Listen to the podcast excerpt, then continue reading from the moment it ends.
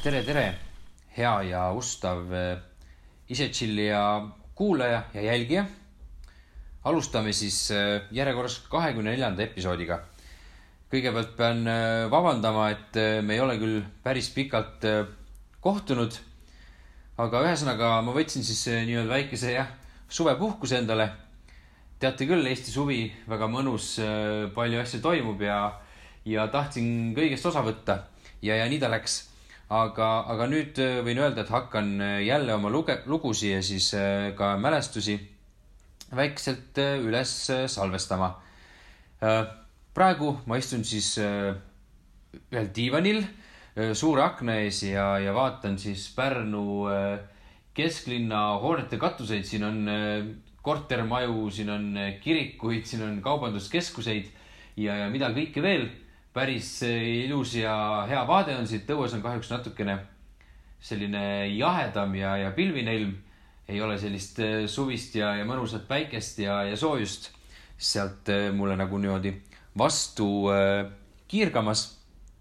aga ma jah, ja just seda vaadet ma olen siis enam-vähem jälginud juba kuus päeva jutti. Sest et ka minul õnnestus siis üles korjata see kahekümne esimese sajandi kõige noh, kuidas öelda, kõnetavam äh, haigus. jah, nii ma istun siin rahulikult karantiinis ja egast midagi. et, äh, et vaatame, küll ma selle vastu pean ja, ja tervis on äh, kõik korras ja, ja, ja päris hea puhkus on olnud veel nii-öelda. et eelmine kord ma vist mainisin, et ma kolisin Tallinnasse, aga unustasin mainida, et mis värk seal siis Tallinnas on ja, ja mida ma seal teen ja kõike muud sellega seonduvalt ma võib-olla isegi ütlesin, et ma töötan Eesti Loodusmuuseumis. ja ma töötan Eesti Loodusmuuseumis sellises, sellisel positsioonil, nagu seda on siis äh, zooloogia kuraator. võib-olla paljud ei, ei oska aimata ega tea, mis see täpselt tähendada võis, ega mina ka alguses ei teadnud äh, sellest äh, asjast üldse väga midagi. ma sain teada alles vist sellel aastal märtsis, et selline asutus nagu Eesti Loodusmuuseum on üldse olemas Äh, jah, nimelt ma olen seal siis zooloogia kuraator. zooloogiast ilmselt saavad kõik aru, tegemist on siis loomateadusega. ja, ja kuraator on siis äh, põhimõtteliselt eesti keelde tõlgituna kogude hoidja. ja, ja nii see käibki, siis ma haldan siis nii-öelda zooloogilisi kogusid. aga, aga jah, tegelikult on äh, tegu ikkagi päris huvitava ja põneva kohaga mulle, eriti jah, just see on, see on nii-öelda väga-väga erialane kuigi enamasti on tegu siis äh, nii-öelda, kellega ma tegelema pean, loomadest on siis nagu Eesti, Eesti loomastik ja, ja kõik sellised asjad. et äh, troopikast jääb natuke kaugele, aga siiski on äh,, saan vahepeal ka nii-öelda troopikaga tegeleda või vähemalt äh, näha neid loomi, et, et, äh, et muuseumis ikka on erinevad äh, nii-öelda loomapreparaadid, on küll topiseid ja, ja märkpreparaate ja näiteks sulekaarte ja, ja, ja või, võib-olla varsti on ka DNA kogud olemas meil. et seal tuleb ikka ette, et äh, vahepeal äh, vaatad tiigerpüütoni topist või, või vaatad papagoid, ilusat sellist punast papagoid nagu Prantsuse Guyanas ja üldse Amazonases lennata, lendavad ja, ja kõik sellised asjad ja siis ma saan veel ka uusi nii-öelda uusi loomi kogusse tuua, et et, et käime sellistel ka välitöödel ja samuti, mis on nagu väga huvitav või noh, selline spontaansus ja, ja rutiini, rutiini välis, välistav tegevus on, et kui keegi helistab sulle, et kellelgi lendas mingisugune lind vastu akent või, või et äh, Pirita tee ääres on näiteks hüljes surnud, siis ma pean vahepeal sinna sõitma ja, ja näiteks mingisugused osad, näiteks hülgekolju äh, sealt ära tooma või siis äh, korjame inimese käest näiteks ära Mustamäelt, äh, Mustamäe vastu akent lendanud äh, musträhni või midagi sellist. ja, ja selline mu siis äh, igapäevatöö on, noh muidugi neid tuleb, ei tule nagu iga päev ette, et väga palju on ka sellist inventuuri ja paberimajandust ja topiste laenutamist näiteks pildistamiseks või videote tegemiseks või siis näiteks keegi tahab teha mingisugust näitust. samuti käin ka ise andmas erinevaid nii-öelda väikseid loodustunde, putukahommikuid ja, ja ööpüükide töötuba ja kõik selliseid asju. et äh, jah, sellisel töökohal ma praegu töötan siis kui ma siit koroonast nüüd välja saan, siis lähen Tallinnasse tagasi ja hakkab jälle töö pihta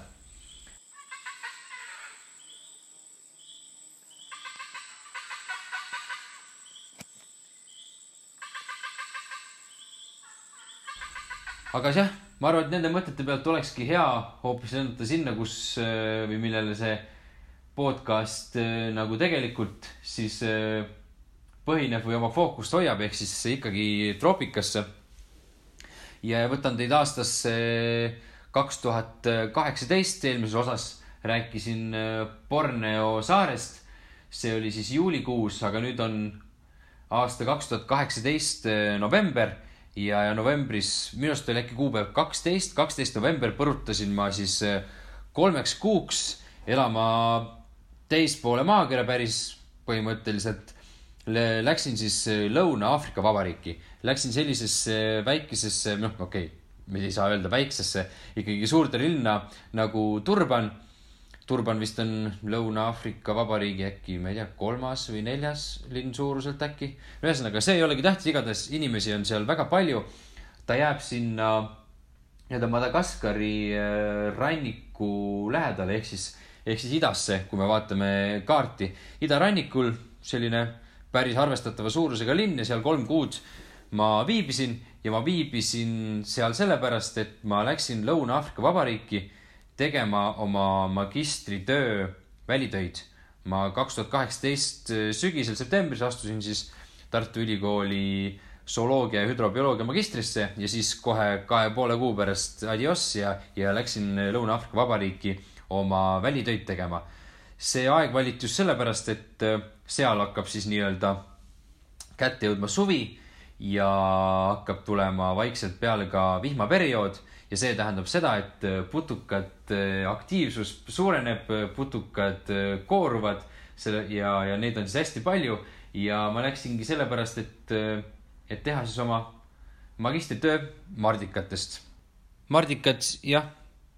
on mulle siis nii-öelda Prantsuse Guyanast väga-väga meeldima hakanud, suured titaansikud ja, ja, ja põderpõrnikad ja nii edasi, et noh, see sobis mulle väga hästi ja, ja minu uurimuse selline põhiküsimus oli selles, et kuidas äh, need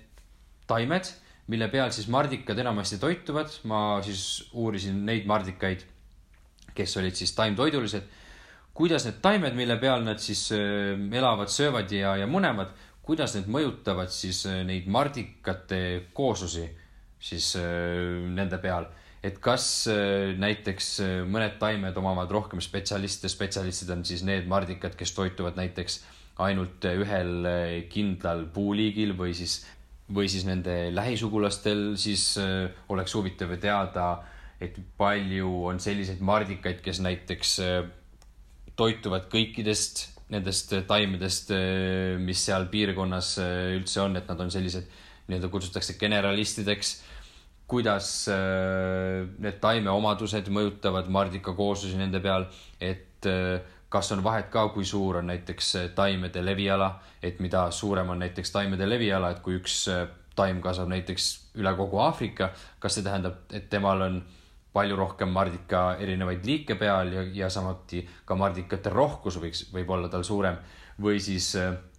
kuidas taimede keemiline koostis näiteks äh, fosforisisaldus või lämmastikusisaldus, et need on need äh, nii-öelda põhielemendid, millest kõik organismid loodud on, et, et kas nendel taimedel, millel on need näitajad suurem, kas seal on rohkem mardikaid äh, nii-öelda arvuliselt või siis liigirikkuselt, siis mis veel, äkki, äkki teil on, äkki on taimedel mingisugused kaitseained, mis määravad selle, palju seal näiteks on mardikaid, kas nad on spetsialistid, kas nad on spetsialistid, siis on nii-öelda saanud üle sellest taimede kaitseainest, et suudavad siis eh, ka nii-öelda sellest mööda vaadata ja, ja siis ikkagi taimi süüa või, või jah, et eh, kuidas näiteks häiringud mõjutavad mardikate paiknemist, et, et kui puu asub eh, näiteks suure tee ääres, kas see tähendab, et temal on siis vähem mardikaid peal ja nii edasi ja nii edasi ja nii edasi. ehk siis selline kokkuvõtvalt öeldes mardika koosluste uurimus ja kuidas see sõltub taimedest. ja seda ma siis tegin Turbani lähedal selline väike koht või noh, selline võib-olla eeslinn võiks öelda. teda kutsuti Westville'iks ja seal oli siis väike selline äh, linna keskel või asustuse keskel olev äh, kaitseala, Palmier äh, nii-öelda looduskaitseala. ta ei olnud väga suur, vist oli mingi kolmkümmend viis hektarit aga ikkagi jõgi voolas läbi, seal olid mingid kaljud, seal oli väga palju erinevaid loomi, kellest me kõik vaikselt äh, hakkame ka rääkima ja, ja küll me, küll me jõuame nende kõigini. ja mu välitööd siis põhimõtteliselt nägid ette selliselt, et, et ma läksin sinna rahvuspargi sisse või sellesse väiksesse looduskaitsealale ja siis ma siis sain umbes kaksteist erinevat kindlat taimeliiki ja need taimeliigid olid valitud sellised, et, et neid oleks seal siis võimalikult äh, palju, ehk siis ma valisin kõige, kõige tavalisemad liigid selles äh, kaitseala, selles kaitsealas siis. ja korjasin sealt pealt mardikat. ma läksin siis äh, iga selle puu juurde äh,. mul oli kaasas liblikavõrk, ma pidin vaatama, et see puu oleks piisavalt suur, et, et selle puu lehtedesse saaks lüüa viiskümmend korda erinevatesse kohtadesse ta pidi olema ikkagi selles mõttes päris, päris suur ja, ja ta ei tohtinud olla siis teise puuga, millelt ma samuti mardikaid korjasin, lähemal kui kakskümmend meetrit. et muidu oleks võinud tekkida see olukord, et, et kuna ta on lihtsalt nii lähestikku, siis need mardikad kattuvad ja me ei saa õigeid eh, tulemusi. Läksin siis eh, iga puu juurde, lõin seal liblikavõrguga erinevatesse kohtadesse viiskümmend korda võtsin siis kätte topsi, kus oli siis põhjas oli etanool ja siis pistsin pea siis sinna liblikavõrku ja hakkasin välja koukima mardikaid. ja need olid, mõned olid väga-väga pisikesed, sellised millimeetrised või veel väiksemad, mõned olid natukene suuremad. no muidugi me ei saa rääkida sellistest suurudest, suurustest nagu oli äh, Prantsuse Guajanas, et selliseid kaheksateist sentimeetriseid mardikaid seal ei olnud, et pigem jah, suuremad jäid sinna mingi kaks-kolm senti et jah, mitmekesisus oli natukene selline võib-olla suunatud äh, väiksusele. Ja siis ma korjasin seal kõik mardikad kokku ja, ja, ja siis jätsin selle topsi sinna nii-öelda seljakotti ja, ja nii ma siis käisingi äh, päevast päeva mööda seda kaitseala ringi. Ja kokku mul siis, äh, kokku ma siis kogusin sada kakskümmend sellist väikest topsikest mardikatega. Ja, ja siis pärast seda, kui nii-öelda see väljas asi oli tehtud, siis ma läksin laborisse. Ja, ja laboris äh, ma pidin siis ära määrama need mardikad, et me ei teinud päris niimoodi, et me määraksime kõik mardikad liigini ära, vaid me määrasime nad äh, ära äh, morfoliikideni. Ja me tegime seda sellepärast et mõnda võib-olla, mõnda mardikaliiki pole veel nii-öelda kirjeldatudki ja, ja kuna mina siit Eestist äh, läksin sinna ja nii hästi kõiki mardikaid ei saa teada, mis teispool äh, maakera on, siis see oleks võtnud väga-väga kaua aega ja, ja, ja tundus, et äh, saame hakkama ka morfoliikideni. morfoliiki, morfoliik on siis selline põhimõtteliselt liik põhimõtteliselt, et kui sa põhimõtteliselt lihtsalt peale vaadates saad aru, kas on üks või teine liik, ehk siis kas tal on mingisugune värvimuutus. kõige kindlam on äh, vaadata näiteks tundlaid, et, et kui tunduvad, et täpselt sama liigid, sellised pruunikad, pikliku kehaga mardikad, aga näiteks tundlad on hoopis äh, teistsugused, et mõned on näiteks äh, nagu sellised niitjad ja, ja teised võivad olla sellised kuulikestega ja mõned on, mõnedel on mingisugused ogad veel peal. et see oli selline väga hea tunnus, kus sa said e, e, nii-öelda siis eraldada kaks äh, erinevat äh, morfoliiki mardikaid. ja, ja me eeldame seda ka, et muidugi, et need erinevad morfoliigid siis on tõesti erinevad mardikaliigid äh, ka päriselus. ja, ja siis eks need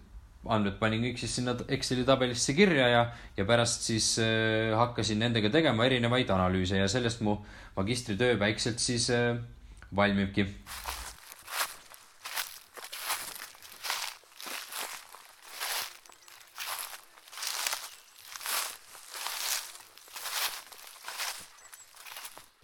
ja jah, muidugi esimene päev oli muidugi loll ka, et, et läksin sinna kohe lühikeste pükstega. et eh, seal sellist eh, nii-öelda rohumaal käimist ja, ja, ja puude alt pugemist oli, oli päris, päris palju. ja, ja siis põhimõtteliselt ja esimene õhtu olid jalad täiega ära kriimustatud ja järgmised päevad siis alati läksin siis öö, pikkade pükstega ja eks, eks igasuguseid loomi seal päeval kohtas ka. ja, ja noh, pidid vaatama samamoodi, et sa teed, saad oma tööd tehtud ja samas pidid vaatama, et, et äkki näed ka mingisuguseid muid loomi. et tavaliselt kõige parem ongi võib-olla see, et kui sa üldse ei, ei lähe nagu otseselt otsima, vaid teed mingisuguseid omi asju, siis võib tihti juhtuda, et, et mingisugused muud loomad ka sinna, sinu vaatevälja või sinu juurde satuvad, et sa ei, võib-olla ei tundu neile nii ohtlik, aga mis loomad seal siis äh, selles kaitsealal olid, noh muidugi seal oli hästi-hästi palju linde ja, ja isegi mõned sellised röövlinnud, kotkad ja, ja viud lendasid seal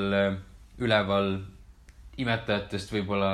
kõige ägedam ja tuntum on äh, võib-olla okassiga, et nad, ta on selline pikkade okastega, no ütleme, ma ei tea, äh, rebase mõõtu loom äkki, ahvid olid seal puu otsas muidugi. kindlasti oli seal hästi palju madusid ja, ja kameelione. ning äh, oli ka väiksed sellised kitsed ja siis olid sellised loomad nagu tässid ma ei tea, kas tal on eestikeelne nimi ka, aga põhimõtteliselt sellised nagu närilised või sellised suured kopra moodi äh, loomad.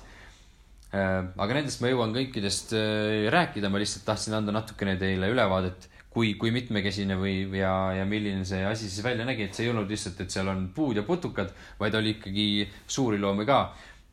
mis sest, et see kaitseala oli siis üsnagi asustuse lähedal ja asustusest ümbritsetud ja, ja, ja ei olnud väga-väga suur. Aga jah, ja mis mulle väga meeldis, oli see, et ma õnneks sain siis äh, ka kaitseala võtmed enda kätte, et ma ei pidanud kogu aeg sealt pea sissepääsust äh, sisse minema, vaid sain äh, minna ka siis teisest sealt väravast. ja, ja see tähendas seda, et ma sain ka seal käia siis öösel. et jah, muidugi Lõuna-Aafrika Vabariik ja turvalisus ja öösel käimine võib-olla ei ole kõige paremad asjad, mis kokku käivad, aga siiski mu see kirg ja, ja, ja põnevus oli, oli liiga, liialt suur, et seda mitte ära kasutada ja no õnneks midagi, õnneks midagi nagu ei juhtunud ka, et see ei olnud, noh, ma arvan, viis minutit jalutada minu sellest äh, kohast, kus ma siis elasin ja noh, ega võib-olla ma tegelikult ei oleks vist tohtinud seal öösel käia, nagu ma siis pärast aru sain. aga noh, ma ikka nii kaua käisin, kuni siis äh, lõpuks teada saadi ja siis mulle kiri kirjutati, et see jah, see võti pole selle jaoks, et, et sa saaksid seal öösel käia, vaid et sa saaksid oma magistritööd teha seal ja blablabla bla, bla. Noh, nagu ikka, mingisugused formaalsused, et, et jah, seal võib, seal on ohtlikke loomi ka ja ja mis sinuga küll juhtub, et ja mis sa siis teed, kui sa öösel saad, aga noh, täpselt samamoodi oleks nüüd päeval ka igasuguseid asju juhtuda ja, ja oleks täpselt sama seisnud, aga noh, see selleks, seda ei pea siin äh, päris praegu lahkama, aga noh, igatahes ma seal käisin ja, ja noh, pealambiga ikka huvitav uus koht ja, ja eks ma siis seal nägin ka. Ja ma ei mäleta, et kas see oli siis minu esimene õhtu, kui ma läksin sinna äh, kaitsealal öösel jalutama või oli teine, igatahes suhteliselt alguses ma seal jalutasin rahulikult Äh, telefonis oli kaart muidugi lahti, et seal ära ei eksiks. ja siis ma mingil hetkel hakkasin nägema siis äh, kauguses ka teisi taskulampe. mingid inimesed seal kõndisid, mulle tundus, ma läksin muidugi lähemale, noh, alguses muidugi olen selline avatud ja, ja kõik on chill ja tore ja, ja et äkki näen kedagi huvitavat, äkki nad on võib-olla samasugusel missioonil nagu, nagu mina siin. et jah, saame sõpradeks ja, ja nii edasi. ja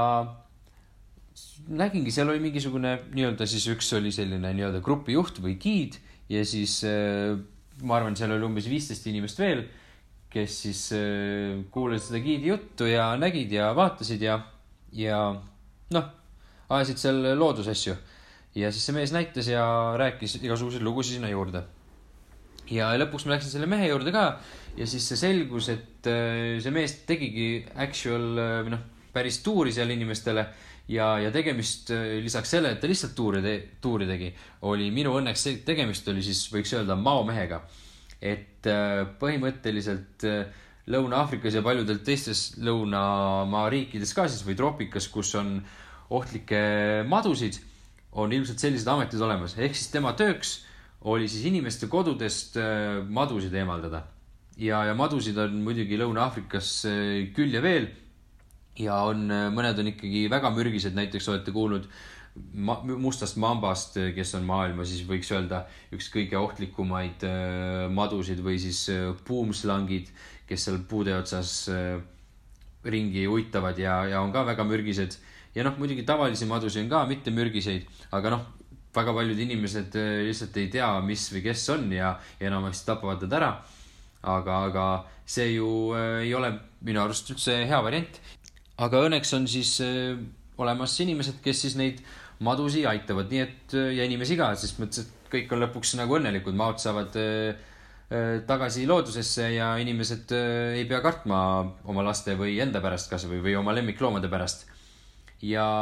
ma ise olin ikkagi täiega kade tema peale, et noh, jube äge oleks ise ka täpselt samasugust tööd teha. et jah, põhimõtteliselt oli nagu kiirabi, et kui kuskil keegi leidis mingisuguse mao, siis talle helistati, siis ta sõitis kohale püüdis mao kinni ja siis viis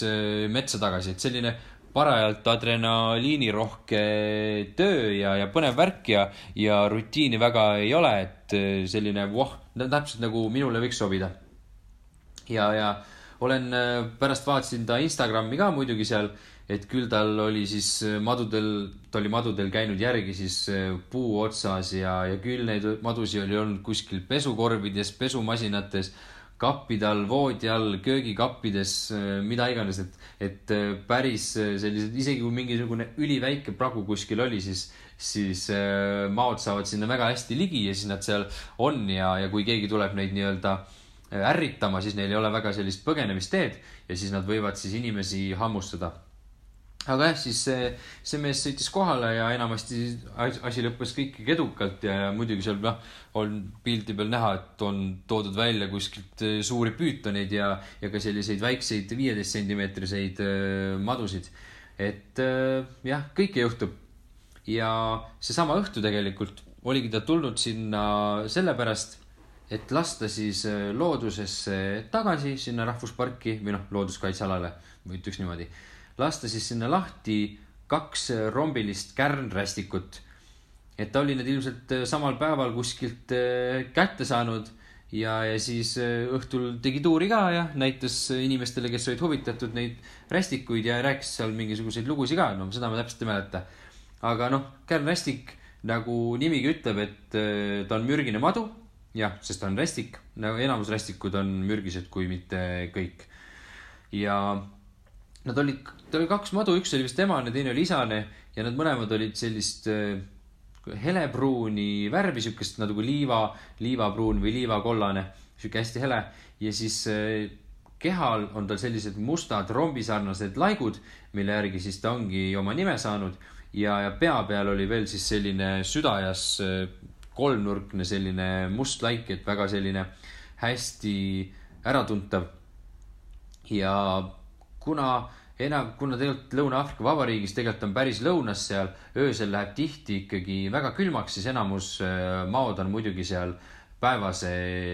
aktiivsusega loomad, et öösel võib kohata väga vähe madusid, sest lihtsalt on äh, nii külm. aga õnneks vist hakkas suvi tulema kätte ka ja siis äh, õhtuti ja öösiti oli ka neid madusid näha, aga sinna ka me veel jõuame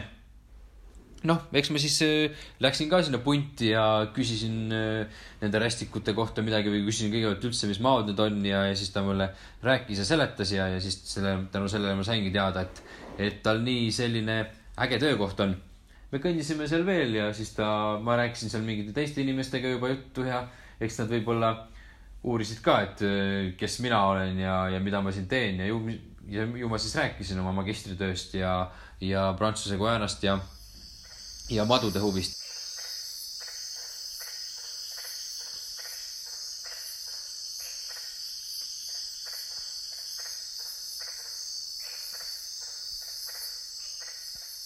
ja selle nii-öelda retke lõpuks me jõudsime ka siis äh, ühe tiigi juurde.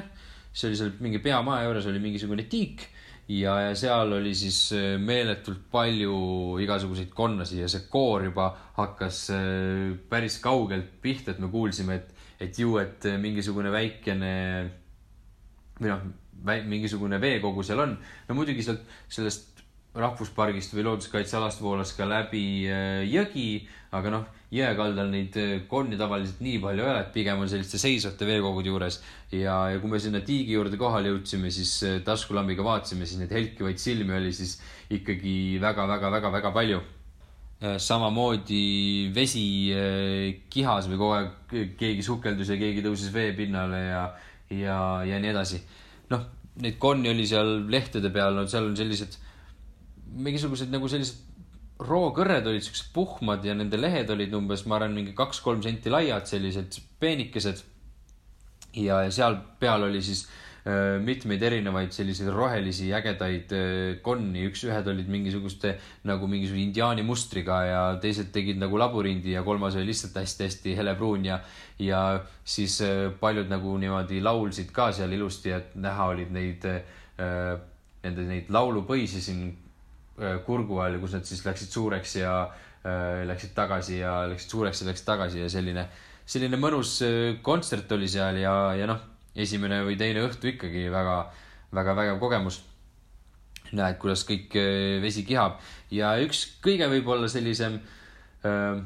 efektsem või, või meeldejäävam konn, äh, kes äh, seal tiikides siis äh, hullas, oli Aafrika kannuskonn või siis ka suur kannuskonn. Eestikeelne nimi on ka tal nii-öelda selline, mõlemat võib kasutada. ja, ja miks ta oli selline huvitav, et ta oli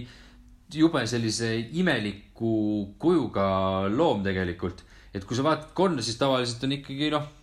selline sirge või natukene võib-olla seisab seal nagu uhkelt, aga see loom oli ainult vees, ta oli selline hästi nagu lapik nagu lestakala ja, ja ta pea ei olnud nagu üldse eristunud öö,